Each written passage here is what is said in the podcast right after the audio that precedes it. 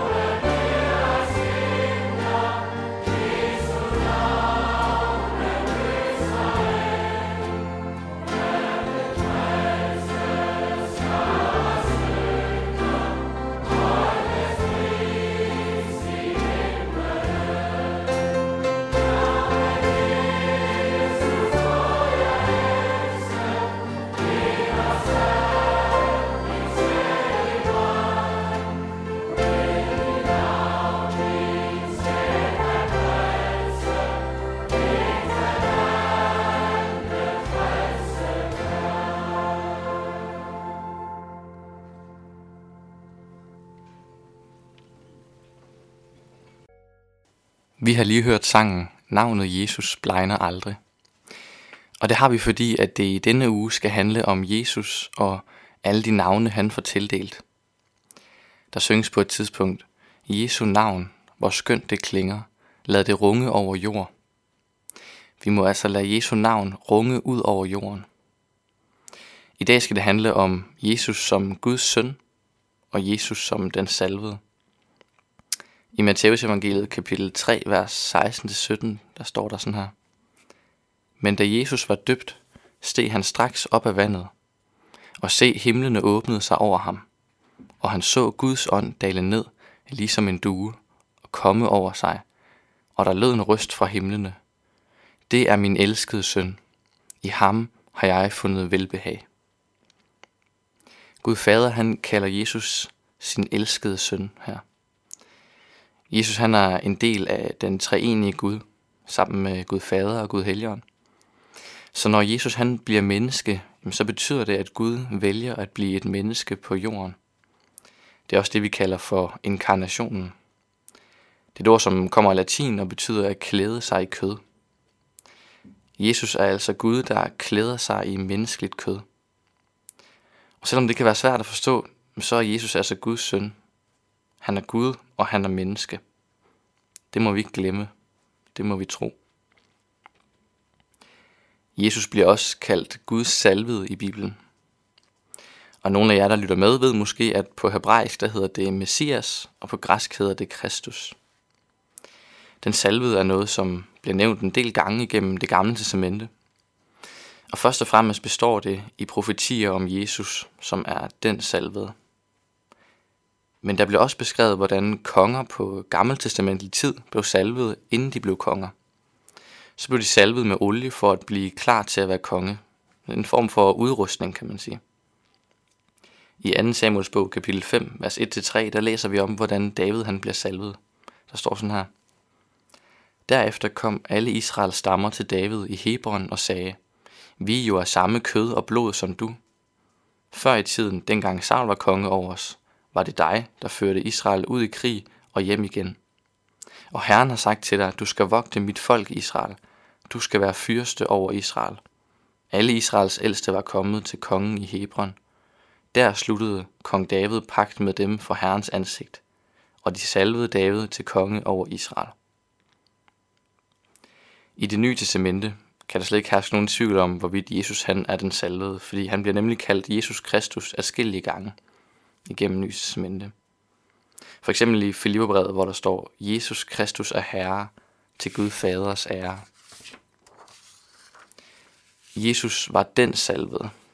Det har han altid været, og det vil han altid være. Ligesom han altid har været Guds søn. Den, der skulle komme til verden. Jesus bliver ikke på et tidspunkt udnævnt til at skulle være de her ting. Nej, det har han altid været.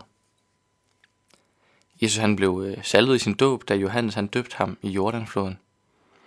Her blev Jesus for alvor gjort klar til hans tjeneste på jorden.